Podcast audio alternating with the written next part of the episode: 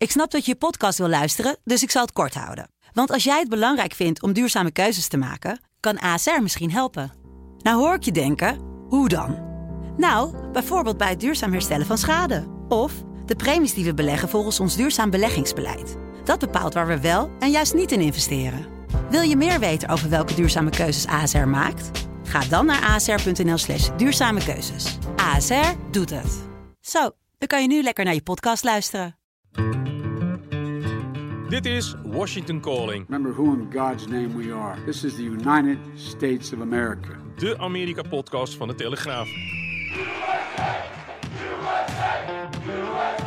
Met Paul Jansen en Thomas Blom. We are in a competition with the world, and I want America to win.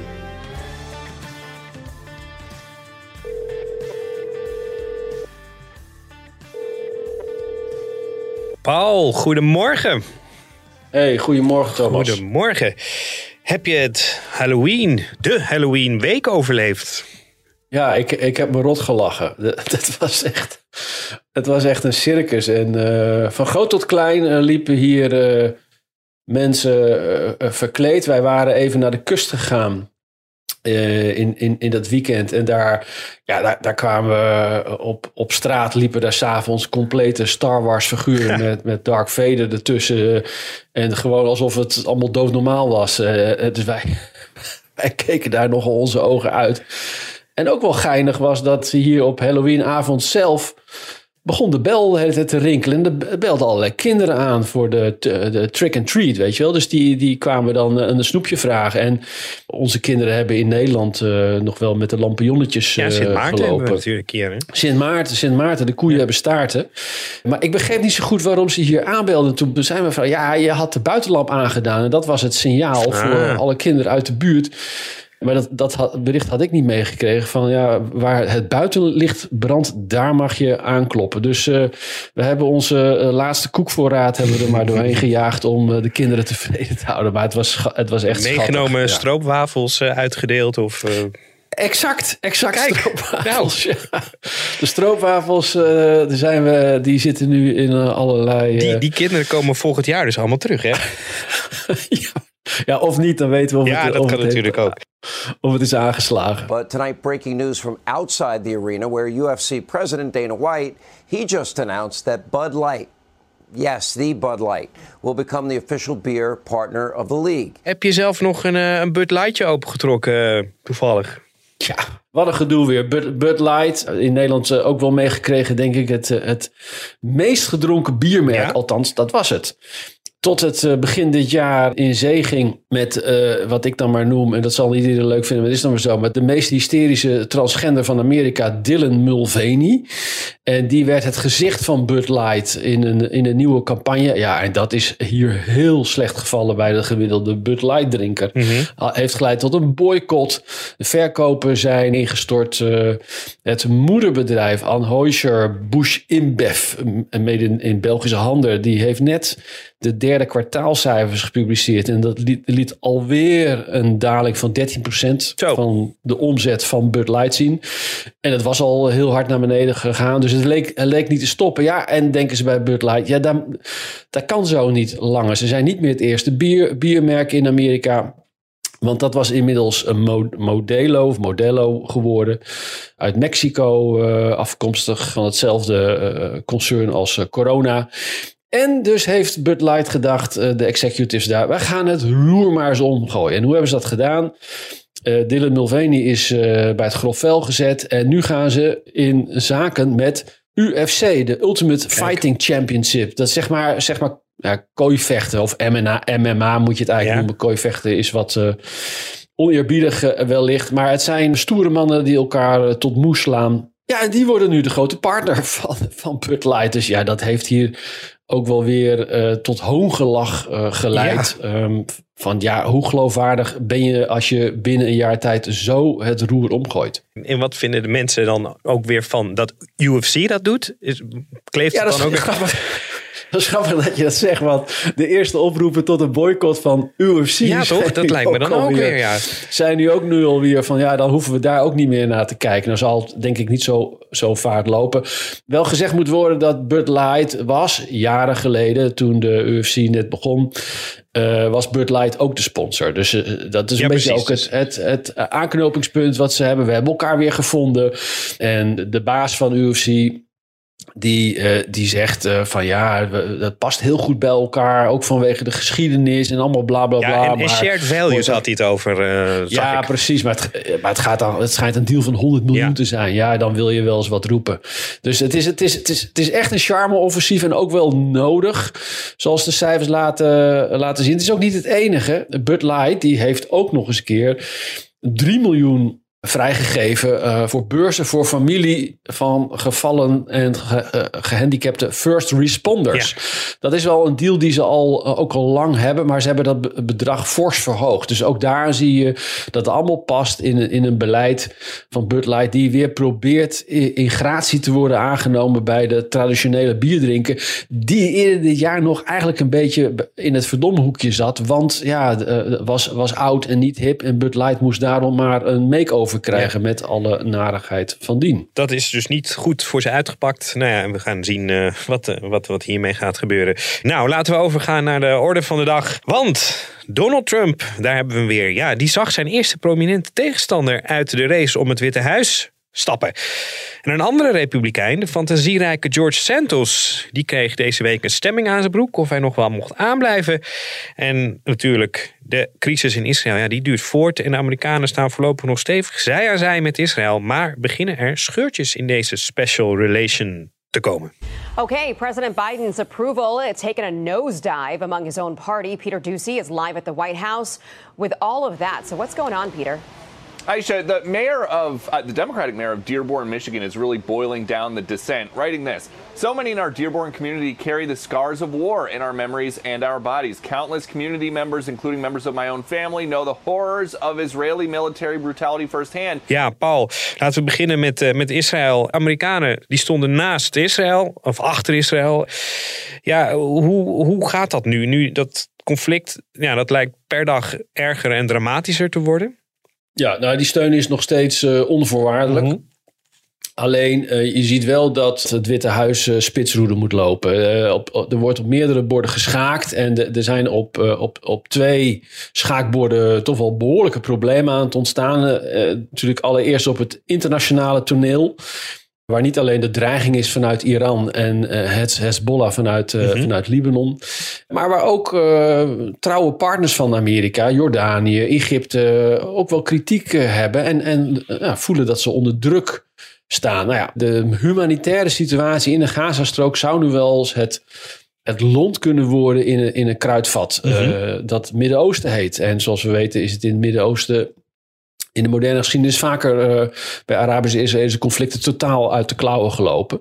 Dus Amerika moet er echt alles aan doen en alle zeilen bijzetten om te voorkomen dat deze, deze oorlog tussen Israël en Hamas en, en het grondoffensief wat nu, nu gaande is, dat dat, dat dat dus niet explodeert in een regionale oorlog met alle risico's en gevolgen van dien. En dat is ook een reden waarom de minister van Buitenlandse Zaken Blinken opnieuw naar de regio gaat. Om, eh, om een ronde te maken, ook langs Jordanië en Egypte. Die eerder, hè, dat weet je nog, eh, niet met president Biden om de tafel wilde nadat een ziekenhuisdrama, wat aanvankelijk in de schoenen van Israël werd, werd geschoven. Eh, dus, dus ze moeten echt, echt eh, alle zeilen bijzetten om, om eh, te zorgen dat, dit, dat het niet explodeert. Maar dat is niet het enige probleem wat, wat de regering Biden heeft. Heel interessant is dat hier nu op Amerikaanse grond ook steeds meer stemmen opgaan, meer kritiek klinkt in de richting van het Witte Huis dat er geen staakt het vuren wordt, wordt afgedwongen. En hoewel binnen de Democraten in het congres er, er wel nog overwegend steun is voor, voor die koers die president Biden eh, voert, is er een kleine luidruchtige minderheid die daartegen in het eh, geweer is gekomen. En waarom is die minderheid toch zo belangrijk? Omdat die veel steun vindt onder jonge kiezers. En de jonge kiezer in Amerika was een van de pijlers waarop de Democraten hadden bedacht dat president Biden uh, op zou kunnen gaan voor zijn herverkiezing. Ja. Uit een recente peiling blijkt dat waar in 2020 60% van de kiezers onder 35 voor Biden kiest, zou dat nu nog maar, maar het is maar een peiling, maar zou nu nog maar 25% zijn. Ja, dat is natuurlijk spelen met vuur voor, voor de Democraten, die al de hete adem van de Republikeinen lees Donald Trump in de nek uh, voelen met, met, uh, in de pols. Maar is daar dan een vrees dat deze jonge groep stemmers, dat die, ja, die kan me nou ook niet helemaal voorstellen dat die overstappen op Donald Trump? Blijven die dan helemaal weg uit het stemhokje? Ja, goede vraag. Zeer waarschijnlijk is uh, dat zij dan niet zullen ja. gaan stemmen. En uh, dan moeten we niet vergeten dat de opkomst bij de Amerikaanse verkiezingen is al, is, is al ja, beduidend lager dan wij hebben bij algemene verkiezingen. Je moet je registreren. Er zijn nog wel wat, wat hindernissen te nemen voordat je je stem kan uitbrengen. Dus dat percentage ligt al lager. Maar ja. die, het mobiliseren van die jonge kiezer was uh, een van de speerpunten van de Democraten om ervoor te zorgen dat Biden voor zijn years zou kunnen gaan. En dat lijkt nu door de Israël-koersen gevaar te gaan lopen. We hebben het eerder ook al besproken hè, op Amerikaanse universiteiten. Zeker niet uh, het geheel van de Amerikaanse jeugd, mm -hmm. maar wel een voorhoede daar, daar, daarbinnen. Op de Amerikaanse universiteiten is er ook een ja, ronduit een anti-Israël, zo niet antisemitische houding aan het ontstaan. Mm -hmm. En uh, ja, dat sentiment dat, dat leeft breder onder, onder jongeren. Je hoeft niet eens anti-Israël te zijn. Uh, om, om voor een staakt het vuren te zijn. Uh, dat speelt natuurlijk ook nog mee. Mm -hmm. Maar in ieder geval, Biden heeft steeds gezegd: wij gaan ons A niet bemoeien met hoe Israël het, de, de, militaire operatie in Gaza uitvoert. En B, wij zullen niet voor een staakt het vuren, om een staakt het vuren vragen. En wat gebeurt er nou uh, woensdagavond tijdens een campagnebijeenkomst in Minneapolis? Daar werd uh, Biden uh, tijdens een reden werd hij onderbroken door iemand uit de zaal. die zei van ja, er moet nu echt een staakt het vuren komen. En daar ging Biden op in. En die oh. riep toen ter plekke op. Uh, dus een beetje een woordenspel misschien. En ook misschien uh, weer niet. Maar die riep niet op een staakt het vuren. Maar wel om een, om een pauze. Dus noem het, uh. noem het een gevechtspauze. Maar een humanitaire pauze. Om yeah. Ervoor te zorgen dat gewonden. en ook buitenlanders. de Gazastrook uit kunnen. En humanitaire hulp de Gazastrook in. Dus er is, er is wel wat in beweging aan het komen. Uh, dat is dus niet alleen bedoeld voor de situatie in de Gazastrook zelf, maar ook voor binnenlandse consumptie. Ja, en Anthony Blinken, wat is daar nou al verwachting? Gaat hij weer langs alle grote spelers? Of wat gaat hij daar precies doen? Als hij weer naar het midden. Hij gaat langs een aantal uh, grote, grote spelers in de regio. En gaat, gaat ook nog uh, naar, het, naar het Verre Oosten. Mm -hmm. En de verwachting is dat hij, dat hij daar opnieuw zal, zal proberen om uh, ja, de, de, de relaties wat te masseren. En wat druk van de ketel te halen. Want ja, na, elke dag dat dat. Israëlische offensief duurt, neemt de druk natuurlijk ja, in, in, Arabische landen die niet dreigen, direct dreigen met, met grof geweld tegen de Joodse staat, neemt natuurlijk terug, toe. Is er dan nog sprake dat Biden dan nog weer daar die kant op gaat? Of laat hij zich nog eventjes niet zien na zijn debakel van de vorige keer? Nee, dat, dat, dat uh, ligt ook niet in de, in de verwachting dat hij nee. weer het vliegtuig uh, in zou stappen. Die actie verraste al vorige keer. Werd ja. ook wel geduid als een, als een ja, soort wanhoopsdaad. Mm -hmm. Omdat toen ook minister van Buitenlandse Zaken Blinken een, uh, een tocht door de regio had gemaakt. En, ja, die had voorwerk gedaan toen. Nou ja, het, de vraag is, was het voorwerk? Of was het bedoeld als het echte werk, maar hij, hij, hij, was, hij slaagde niet en dus ja. moest Biden worden ingevlogen om, uh, om uh, de plooien glad te strijken. Wat vervolgens niet, niet lukte, nee. door, door de omstandigheden. Dus met de verwachting is niet dat Biden na zijn recente reis weer die kant op zou gaan. Dan iets heel anders. George Santos, het fantasierijke congreslid. Dat hing even aan een zijden draadje, volgens mij. Zijn, zijn bestaan of zijn voortduren in, in het Huis van Afgevaardigden. Maar Paul heeft het overleefd. Ja, met uh, 179 tegen 213 stemmen mm -hmm. heeft het Huis van Afgevaardigden besloten dat meneer George Santos gewoon uh, lid kan blijven van het congres. En ja, daar kan je op twee manieren naar kijken. Je, je kan gezien de vele publiciteit en de vele zaken die inmiddels naar buiten zijn gekomen over de wonderenwereld van meneer Santos. Wat, wat Althans, uh, het verhaal zoals zijn cv, zoals hij het uh, heeft verteld, blijkt, blijkt van leugens aan elkaar te hangen. Hij heeft, laten we dat niet vergeten, 23 aanklachten aan zijn broek hangen. en moet zich dus verantwoorden voor, voor de strafrechter. En dat zijn corruptieaanklachten, geloof ik, hè? En fraude en dat soort, ja. Ja, fraude, misbruik van, van creditcards van donoren, zich uitgeven voor, voor een ander persoon. Dus, dus niet, niet misselijk. Ehm, dus ja, de verwachting was wel een beetje, zeker ook vanuit, vanuit zijn eigen Republikeinse partij, dat, dat, dat, ze, dat ze zouden zeggen: ja, uh, laten we deze man dan maar mhm. snel uit, uh, uit het huis zetten. Want ehm, ja, hoe langer hij hier zit, hoe meer schade wij allemaal als Republikeinse partij en in brede zin ook als politiek oplopen. Nou, heeft, heeft de meerderheid gezegd: dat vinden we helemaal niet nodig. En daar worden wel een aantal ook wel op zich inhoudelijk logische redenen voor gegeven. Allereerst geldt ook voor deze George Santos, hoewel zijn verhaal uh, onnavolgbaar is, geldt natuurlijk wel dat ja, hij is verdacht, hij is niet veroordeeld. Uh, dat is ook een argument uh, wat wordt aangevoerd. Ja. Op het moment dat je allerlei mensen al gaat straffen voordat ze veroordeeld zijn, ja, dan is het hek van de dam. Aan de andere kant hebben we dat vaak genoeg ook in Nederland natuurlijk wel zien gebeuren. Maar het tweede punt wat ook wordt aangevoerd, van, eh, zeggen de politici in het huis, zeg, ja, er loopt een procedure in de ethische commissie. Mhm. En uh, daar moeten we niet doorheen gaan fietsen. Laat die ethische commissie, uh, die dit uh, allemaal ook bekijkt naast de strafrechter, la laat die ethische commissie, ethische commissie gewoon zijn werk doen. En dan volgt daarna wel uitsluitsel wat een volgende stap zou zijn. Met als gevolg dat meneer Santos gewoon kan blijven. En hij is trouwens niet de enige politicus die, die voor de rechter, voor de strafrechter staat. En, en ja, voor reuring zorgt, omdat hij nou, gewoon zijn werk blijft doen. Je herinnert je nog wel senator Bob Menendez, ja. uh, de democratische senator. Die een, uh, een half miljoen aan eh, goudstaven en cash in zijn kleding en, had en verstopt. Vergeet dat en, niet. en een leuke Mercedes eh, in de garage. De auto heeft bij jou meer indruk gemaakt dan de goudstaven, hoor ik. Ja, ik vond, nee, ik vond dat zo. Ik vond een cabrio zo, zo, zo, zo mm. lievig. Ik, ik moest dan een heel klein autootje voorstellen, maar het is ook een klein mannetje. Dus, maar goed, dat ja, is. was voor zijn vrouw, hè? Ja, was oh, voor zijn vrouw. vrouw. Maar, dat, ja. maar dat geheel terzijde. Maar deze uh, het senator Menendez, ja, die zorgt ook weer voor, uh, voor gedoe, want die wilde woensdagochtend bij een vertrouwelijke briefing over Oekraïne zijn in, in de Senaat. En nou ja, als je dan weet dat hij een van de uh, strafklachten tegen hem is, niet alleen corruptie, maar dat hij zich ook heeft uh, opgeworpen als belangen, belangenbehartiger op oneerlijke wijze, althans niet volgens de regels, als belangenbehartiger van de buitenlandse mogendheid, in dit geval zijnde Egypte. Mhm. Dus er was uh, gedoe over van kan zo iemand die daarvoor voor het hekje moet staan, kan die wel bij een vertrouwelijke briefing over Oekraïne uh, aanwezig zijn? Nou, uiteindelijk hij is gewoon gegaan. Hij heeft ook tegen media gezegd: ik zou niet weten waarom ik hier niet uh, bij moet zijn. Ik snap dat jullie media weer nieuws moeten maken, maar er is geen enkele reden waarom ik niet aanwezig zou kunnen zijn bij deze zaak. En er is ook niemand die me dit verboden heeft.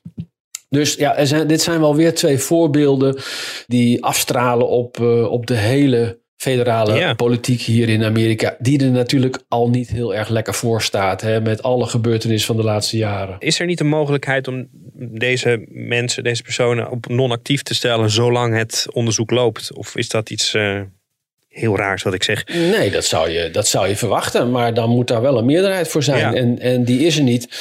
Of die ethische commissie bijvoorbeeld, in Ja. het geval van Santos, die moet op een gegeven moment daar een eh, oordeel over vellen. En dat, dat, dat, ja, dat, die, die procedure loopt. En die, en eh, die ethische commissie, als die beoordelen van nou George, eh, het is toch allemaal niet zo fris en aardig wat je hebt gedaan, je, je moet eruit, dan, dan, kan er, dan wordt hij uit het huis gezet zonder stemming? Of hoe gaat dat precies? Nou, ze, ze kunnen sancties tegen hem, Mhm. hem, hem nemen. Ik denk niet dat ze hem definitief voor een, eh, een strafrechtelijk oordeel hem definitief eruit kunnen gooien. Maar ze kunnen wel eh, ja, sancties opleggen. Ja. En, en het, het opschorten van de, de, de kamerpas, zoals we dat noemen, zou, zou daar één van kunnen zijn. Nou, we gaan het zien hoe het met eh, George Santos, de meneer die zei dat hij Jewish was in plaats van Jewish. En dan hebben we nog de, de race om het Witte Huis natuurlijk, 2024. Eh, Donald Trump, die zag zijn eerste prominente tegenstander vertrekken. Mike Pence. Traveling across the country over the past six months, I came here to say it's become clear to me this is not my time. So after much prayer and deliberation, I have decided to suspend my campaign for president effective today. Ja, daar hoorden we net Mike Pence. Hij kondigde zijn eh, vertrek om de race ook op zijn eigen manier aan. Hè? Ja, dat was toch wel pijnlijk hoor. Op dit moment zo vroeg, ook in het hele politieke gevecht, eh, de handdoek in de ring eh, eh, moeten gooien. En ja, eigenlijk door een gebrek aan financiële steun. De, de Amerika is toch wel wat dat betreft heel anders dan in Nederland. In Nederland hebben politieke campagnes ook geld nodig. En, en in, in toenemende maanden matig geld. Maar het gaat om, om, om een paar miljoen. En hier heb je heel, heel, heel veel geld nodig om, uh, om effectief campagne te kunnen voeren. Niet alleen voor het betalen van je staf, maar ook uh, voor, uh, voor advertenties op alle platformen om, om mensen te bereiken. En er was recent al bekend geworden dat in het derde kwartaal, want dat wordt hier allemaal per kwartaal bijgehouden, hoeveel presidentskandidaten, of in dit geval uh, kandidaten voor de Republikeinse nominatie, hoeveel geld die bijeenharken. En in het derde kwartaal was uh, Mike Pence niet verder gekomen dan 3,3 miljoen. En hij had mm. zelf nog anderhalve ton uit eigen middelen daarbij, daarbij opgehoest. En dat werd toch in de pers een beetje gezegd. Ja, dat is toch wel sneu. Want Pence, dat is, ja, dat is niet zoals veel politici. iemand die uh, een handige zakenman is geweest. of op andere wijze zijn schaapjes op bedrogen heeft. Hij heeft het altijd met een. Dat noemen ze dan hier een, een gemiddeld salaris mm-hmm. moeten rondkomen. Dus anderhalve ton was voor hem veel. Maar als je het even vergelijkt. Hij heeft in het derde kwartaal dus 3,3 miljoen voor zijn campagnekas had hij uh, bijeengeharkt. Biden heeft in het derde kwartaal 71 miljoen ja. bijeengeharkt voor zijn campagne. Trump toch wel ook een stukje minder, 45 miljoen. Maar uh, toch, dat zijn toch wel hele andere bedragen dan, dan Pence. En als ja. je dan ook, ook zag uh, hoe laag hij stond in de peilingen. Ja, dan was dat bij elkaar opgeteld een, een kansloze missie aan het worden. Toch toch ja, waren, waren mensen verrast. Uh, vooral door de timing. Uh, hij, hij deed het tijdens een, een campagnemeeting in, uh, in Las Vegas. En ja, dat leidde hier in, in Amerikaanse media ook tot, tot natuurlijk allerlei berichten met woordspelingen. Dat de diepgelovige Pence in Sin City ja.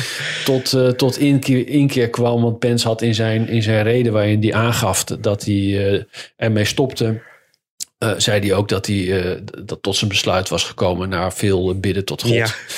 En uh, nou ja, dat is allemaal dat hele zwaar christelijke, wat hier, wat hier natuurlijk bij veel politici een belangrijke rol speelt. Ja. Uiteindelijk is natuurlijk 6 januari 2021 ook voor Pence een datum die hem hier parten speelt. Want dat was de dag dat hij zich afkeerde van zijn politieke mm-hmm. baas op dat moment, Donald Trump, president Donald Trump door niet mee te gaan in de wens van Trump om die bekrachtiging van de verkiezingszegen van uh, Joe Biden, om die te blokkeren in die uh, ja, roemruchte congressessie met de bestorming van, van het Capitool op diezelfde dag. En, en dat besluit van, van Pence, die overigens helemaal niet de bevoegdheid had om dat te doen, maar Trump en uh, zijn getrouwen wilden toch dat hij in actie zou komen. Maar, maar die weigering van Pence, die heeft hem, ja, die heeft hem gewoon heel veel aanhang bij de Republikeinen gekost. Dus hij zat wat dat betreft tussen wal en schip. Ja, en heeft Donald Trump eigenlijk al gereageerd op het, op het verlies van zijn, nou ja, van zijn medestrijder om het Witte Huis. Ja, Trump hield een, uh, hield een reden um, vlak nadat dit bekend was geworden. En, en daar, daar refereerde hij hier ook aan. En uh, ja, noemde natuurlijk weer uh, Pence zeer disloyaal. En vanuit de zaal riep iemand toen heel hard traitor, dus, dus verrader. En toen zag je Trump zo een beetje, een beetje besmuikt lachen. I don't know about Mike Pence. He should endorse me. He should endorse me. You know why? Because because I had a great successful presidency and he was the vice president. He should endorse me. Uh, I chose him, made him vice president. But people, people in politics can be very disloyal. I've never seen anything like it. You know, they asked me a question. They asked me, a traitor. Goes, but he could have done what he could have done, right? There's no question. Trump zou Trump niet zijn als hij altijd weer op, uh, op zo'n moment uh, toch even wat zout in de wonden, wonden strooit. En, uh, en het ook weer op, zich, op zichzelf betrekt. Want laten we wel wezen. Deze twee mannen, die natuurlijk de twee machtigste mannen waren tijdens het presidentschap van Mm. Trump, waren water en vuur geworden sinds die gebeurtenissen op, op 6 januari 2021. En Pence heeft ook, heeft ook altijd in de campagne er een punt van gemaakt. Um, dat, uh, dat Trump niet meer in het Witte Huis thuis hoort. Ja. Dat nie, niemand zich boven de grondwet uh, dient te plaatsen. En ook wat dat betreft, als je dan ziet hoe hoog Trump in de peilingen staat. En nou ja, dat, dat Pence zo snel in de race al uh, ja, toch moet vertrekken. Omdat hij kansloos wordt geacht. Dat zegt toch A, ja, wel wat over de situatie in de, de Republikeinse Partij. En beter ook wel over de, over de stemming in het land en de polarisatie. Nou, we gaan hem missen, Mike Pence. Uh, ik ben trouwens wel benieuwd naar het. Kijk uit naar het moment dat straks Pence eh, hoogstwaarschijnlijk zich dan weer gaat scharen achter kandidaat Trump. Want dat doen ze altijd uiteindelijk. En dan denk je toch ook weer van: oh ja, nu kan het weer wel. Dan weg van de politiek, iets heel anders. Paul, jij was op de Nederlandse residentie in Washington. En daar sprak jij met iemand uit de ruimtevaartwereld. En, en die had iets leuks te vertellen. Toch, heb ik het goed begrepen zo?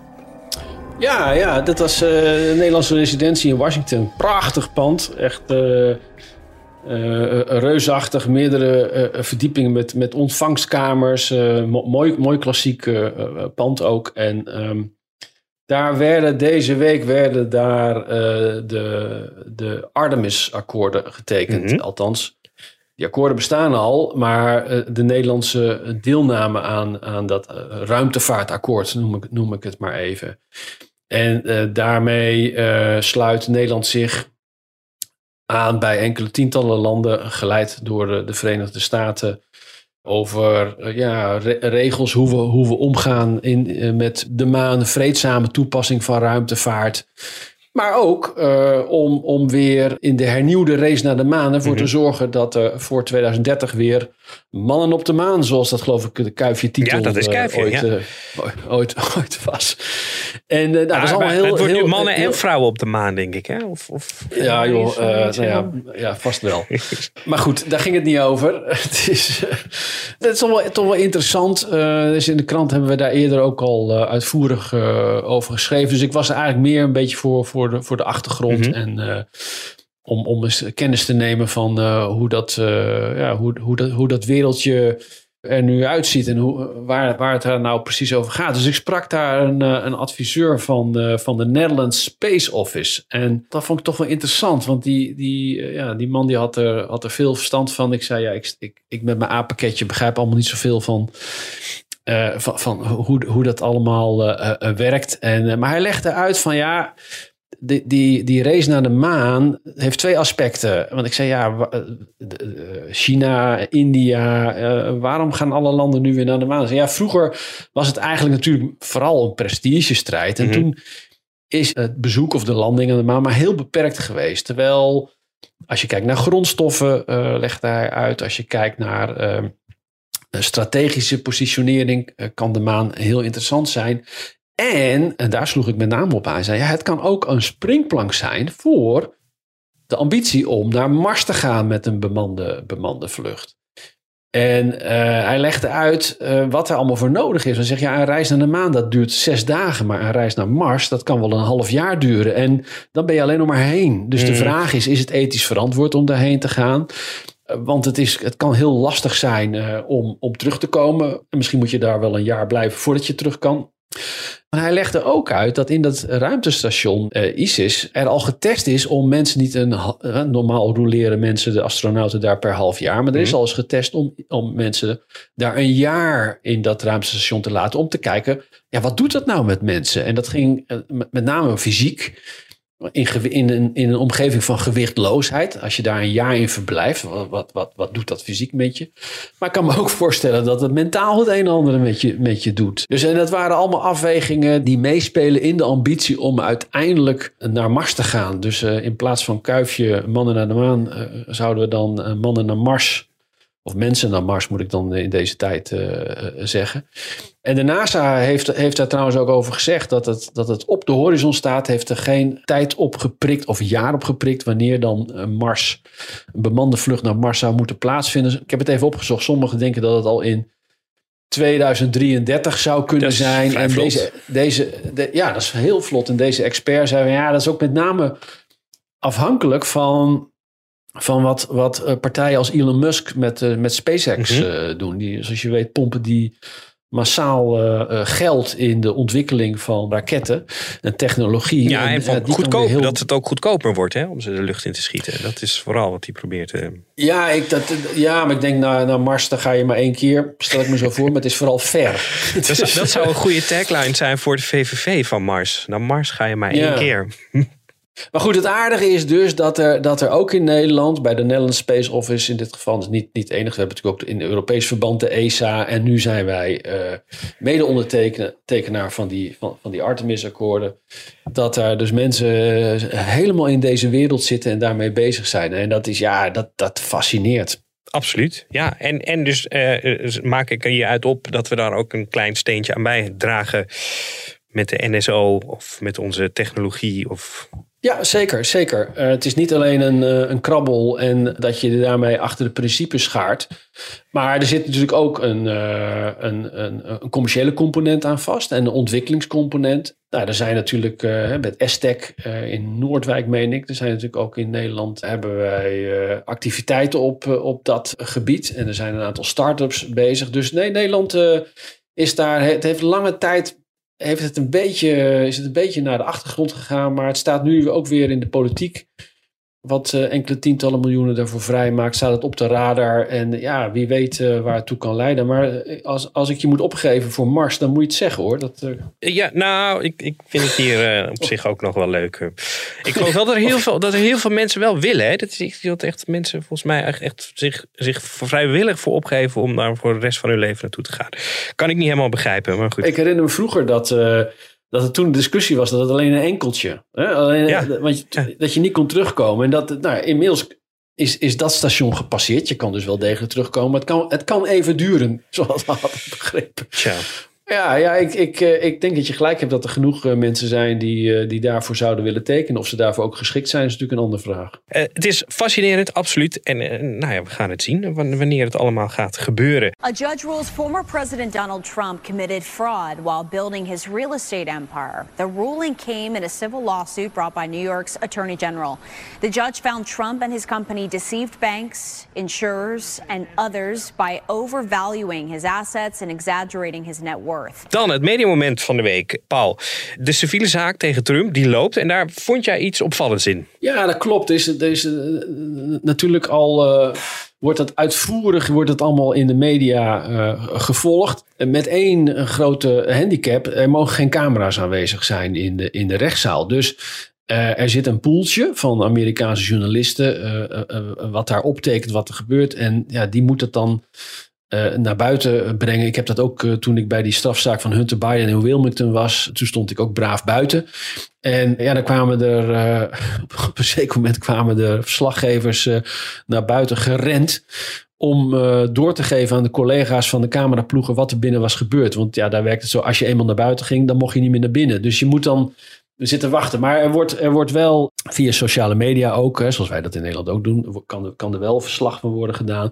Dus er wordt allemaal nauw, nauwlettend eh, g- gevolgd wat er in die rechtszaal gebeurt. En wat deze week opviel, is dat er een expert getuigde. eh, in, in, de, in de bekende zaak van eh, dat, dat de Trump Organization de waarde van bezittingen eh, kunstmatig heeft eh, opgehoogd om maar voordeliger eh, leningen en verzekeringen te kunnen afsluiten. En die expert die zei dat, dat het voordeel wat eh, de Trump Organization daarvan zou hebben genoten, eh, ik geloof ruim boven de 160 miljoen zou hebben gelegen. En in die rechtszaak werd dat, werd dat zeer nauwkeurig uitgesplitst. Hè. Zo, eh, zo zei hij dat het voordeel op betaalde rente van het Trump International Hotel en Tower in Chicago zou 17 miljoen 443 359 dollar zijn geweest. Dus is op de, tot op de dollar nauwkeurig werd het ook in de media uitgevent. wat het voordeel zou zijn geweest. En het aardige was, is dat de advocaten van Trump daar bezwaar tegen aantekenen. Die zeiden, ja, maar hoe kan je dit nou tot op de dollar nauwkeurig vaststellen?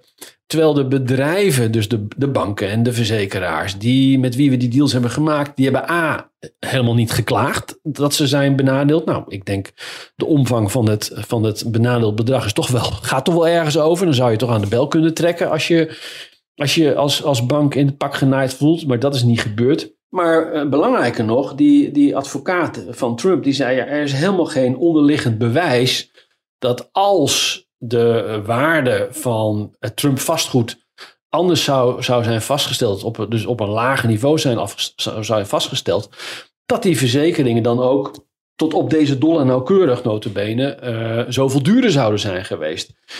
En dat, ja, dat leek mij toch een plausibel argument. Want je wil dan toch wel kunnen staven als een expert zegt, nou het had zoveel kunnen schelen. Dan, dan zou je dat toch bij de bedrijven in kwestie moeten kunnen staven. Of, of zij dat ook vinden. En het aardige is dat, dat de rechter, die Arthur Engeron, die veegde dat uh, argument uh, geheel terzijde en zei daarbij, en dat was, dat was interessant, die zei daarbij van luister, in mijn voorlopige uh, vonnis, en dat was, was in Amerika kan dat voor aanvang nog van het inhoudelijke behandeling van het proces, in mijn voorlopige vonnis heb ik al vastgesteld dat Trump en zijn bedrijf aansprakelijk zijn voor fraude. En daarmee is dit einde discussie. En dat, is, ja, dat, hmm. dat was toch wel wonderlijk. En wat mij eigenlijk verbaasde is hoe weinig op, opwinding over deze redenering was in de Amerikaanse pers. Althans, in de, hè, want hier eh, wordt dan gesproken van de liberal eh, media, eh, de conservatieve media, en dan heb ik het over Fox News en de New York Post. Die gingen er wel op los, en dan niet eens zeer op dit, maar die hadden iets anders. Die gingen los op een nieuwe onthulling tussen aanhalingstekens van uh, James Comer. Die kwam met dat uh, president Biden 40.000 dollar afbetaling van de lening had gekregen van zijn broer. En hij zag daar weer een bewijs van smeergeld in. Dat werd dan weer door de liberale media genegeerd. genegeerd nou, zo zag je in ieder geval dat het weer uh, zowel bij de zaak van Trump als richting het, uh, laten we niet vergeten dat er nog een afzettingsonderzoek loopt in het congres tegen, tegen president Biden wegens aantijgingen van, van corruptie rond uh, familiezaakjes. Dat het in de Amerikaanse pers uh, twee, twee kanten opvloog. Maar dat, dat punt van een rechter die een volgens mij plausibel argument terzijde schuift, ja, dat, dat bleef je toch wel onderbelicht. Opmerkelijk. Het is, nou, het is opmerkelijk. En, en iets zegt mij dat we deze tegenstellingen nog heel erg gaan zien in de komende weken, maanden met alle rechtszaken die rond Trump spelen en misschien ook rond Biden gaan spelen. Ja, absoluut. Want ja, laten we niet vergeten, het is een civiele zaak. Er lopen vier strafzaken. Waarbij nog wel aardig is om te vermelden dat de rechter in de, in de strafzaak in Florida, dus dat gaat om de, om de documenten. Eh, de achtergehouden staatsgeheime documenten uh, heeft aangegeven dat wordt overwogen om die strafzaak toch door te schuiven. Zoals de, de mhm. verdediging aanvankelijk wilde, maar werd, werd geweigerd. Om, omdat het, ja, het wordt te druk. De rechter daar zegt van het, het lijkt erop dat de verdediging toch onvoldoende tijd gaat krijgen om zich goed voor te bereiden. Gezien de andere strafzaken die tegelijkertijd worden gevoerd. Nou, dat is schappelijk van ze. Paul, volgende week, wat staat er op het programma? Ja, een, nieuwe week, nieuw spektakel zou ik willen zeggen. Uh, het, Trump gaat getuigen in de civiele zaak waar we het net over, over hadden. Nou, hij is al heel even onder Ede gehoord uh, door, door de rechter. Uh, en dat liep al meteen uit de klauwen. Hè. Dat ging toen over, over de vraag of hij de griffier opnieuw had mm beledigd, waar een, een, een, een, spreekverbod voor, voor geldt. Ehm, dus die moet maandag eh, getuigen. En woensdag is het derde Republikeinse debat. En dat vindt uh, ditmaal in Florida plaats. En, is Trump zonder erbij? Pence. Zonder Pence? Maar nou ja, dat, een van de vragen is Trump erbij. nog, dat is nog onduidelijk. Een andere vraag is, zijn alle kandidaten die de vorige keren erbij waren, komen die deze keer? Want de voorwaarden om mee te mogen doen aan dit debat zijn strenger geworden. Hmm. Je moest, uh, eerder moest je uh, 3% in, uh, van de stemmen hebben in de peilingen. Dat is nu 4% geworden. En je moest 50.000 originele donors hebben. En dat is nu 70.000 geworden. Dus de lat wordt steeds, het wordt steeds hoger, hoger gelegd. En de vraag is bijvoorbeeld of iemand als Chris Christie... of die dit wel gaat halen... of dat ze binnenkort ook afscheid gaan nemen van hem. Nou, wie weet wordt hij de volgende die aan het rijtje toegevoegd gaat worden met Mike Pence. Goed, dan zijn we aan het eind gekomen, Paul. Ik ga je een fijn weekend wensen alvast. Luisteraars bedankt. Abonneren op deze podcast. Dat kan in je favoriete podcast-app. Doe dat vooral en dan horen jullie ons volgende week weer. Uh, tot volgende week, Paul. Tot volgende week.